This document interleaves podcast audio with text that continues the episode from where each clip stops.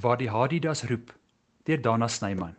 Uit die boek As almal ver is, Suid-Afrikaners skryf huis toe saamgestel deur Dani Maree en uitgegee deur Tafelberg in 2009. Oorlede ouma was reg. God slaap nie. New York ook nie. Ek sit in 'n kamer op die 30ste verdieping van 'n hotel in Lexington Avenue. Die gordyne is oop.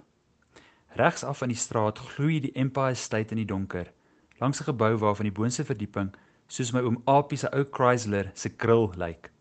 Times Square verder wes is die ene ligte en sonde. Die televisiestel op die Laaikas het 60 kanale. 11 mense in Kaapstad dood sê CNN se man in Afrika. 10 in Tukosa naby Johannesburg. In KwaZulu 1 'n ou vrou. Op elke bulletin sê dit 6 uur sê hy dit al terwyl dieselfde beelde op die skerm kom. 'n skare storm in 'n township straat af, weg van polisiemanne met gewere en honde en knippels. Ek sit op die bed en dink aan Net Nakasa. Ek dink die laaste dag of twee knaand aan Net. Iewers deur onder moet hy begrawe lê. In die asblik in die hoek van die kamer lê vier leë Budweiser blikkies. Ek haal die foongids uit die bedkassie. Dit help nie veel nie want in New York is baie begrafplaase. Ek bel die hotel se inligtingstoonbank. 'n Vrou antwoord. "Waar dink sy sal iemand uit Suid-Afrika in hierdie stad begrawe wees?" vra ek. "You've been drinking, sir," wil sy weet. "It was a black guy," sê ek. "A political exile from Africa." Sy gaan saam met my deur 'n lys van begrafplase. "Ferncliff," sê sy. "Why don't you try Ferncliff? That's where Malcolm X is buried." Ek slaap onrustig. Ek is slegs 3 dae in New York. Môre aand vlieg ek terug Suid-Afrika toe, huis toe. Net na 6 stap ek uit in 42nd Street wat die tyd van die oggend al vol taksies en Japaneese toeriste is. Grand Central Sta Station is 2 blokke weg. Ek koop 'n kaartjie na Hartsdale, die naaste stasie aan Ferncliff. Die trein waar is skoon en oorbelig en vol mense. 'n Maar ou skuif langs my in. Luke Berry stel hy homself voor.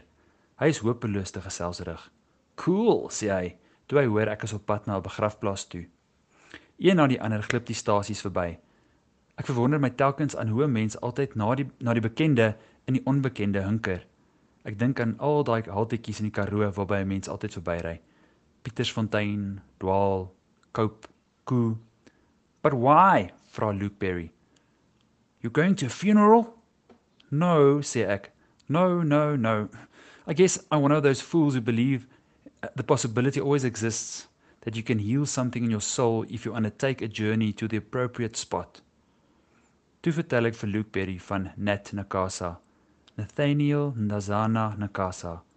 Hoe Nat as 'n jong man uit Durban met 'n koffer en 'n tennisraket in 1961 in Johannesburg aangekom het om as joernalis by Drum te werk.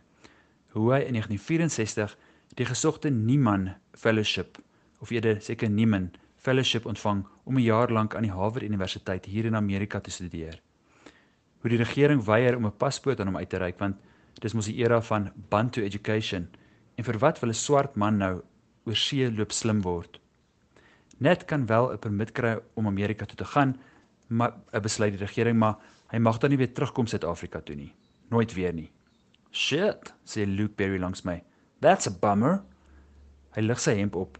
Dis net littekens waar jy kyk. Vietnam 1964. By Hartsdale klim ek af. 'n Tannetjie beduie vir my die pad na Ferncliff Cemetery toe.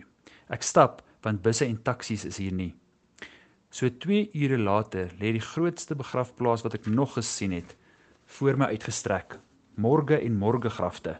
Amerikaanse grafte sonder grafstene. Op elke graf is net 'n koperplaat plat op die grond. Die lug is vol wolke Ek besef dit gaan meer as 'n dag duur om net se graf hier te kry. Dis nou as net hier begrawe is. Ek sit plat op my boude onder 'n boom. Dit lyk na 'n plataan. "Can I help?" vra 'n stem agter my. Dis 'n man in 'n grys oorpak.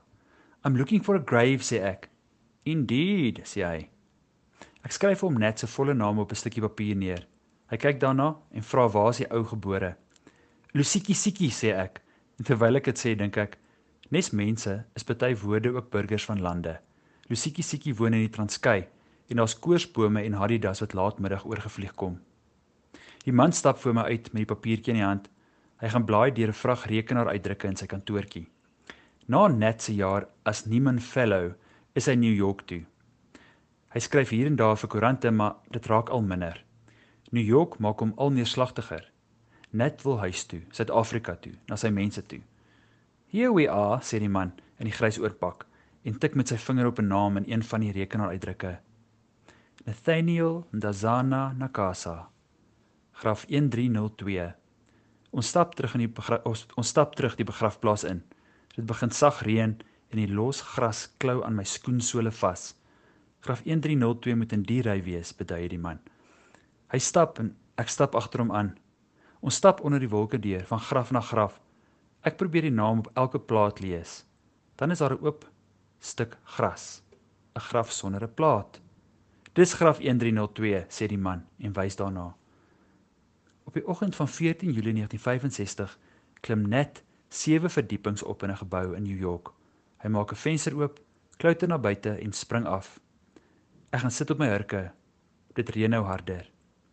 Glo ek nie dis graf 1302 die nie, vra die man. Hy bied aan om 'n kaart te gaan haal en dit presies vir my uit te meet.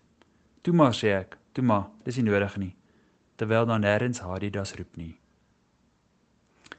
Onderskrif: Nadat hierdie storie op 1 September 1993 in beeld verskyn het, het Tim Du Plessis en ander niemand beurswenners geld ingesamel en 'n plaat op Net Nkasa se graf laat oprig.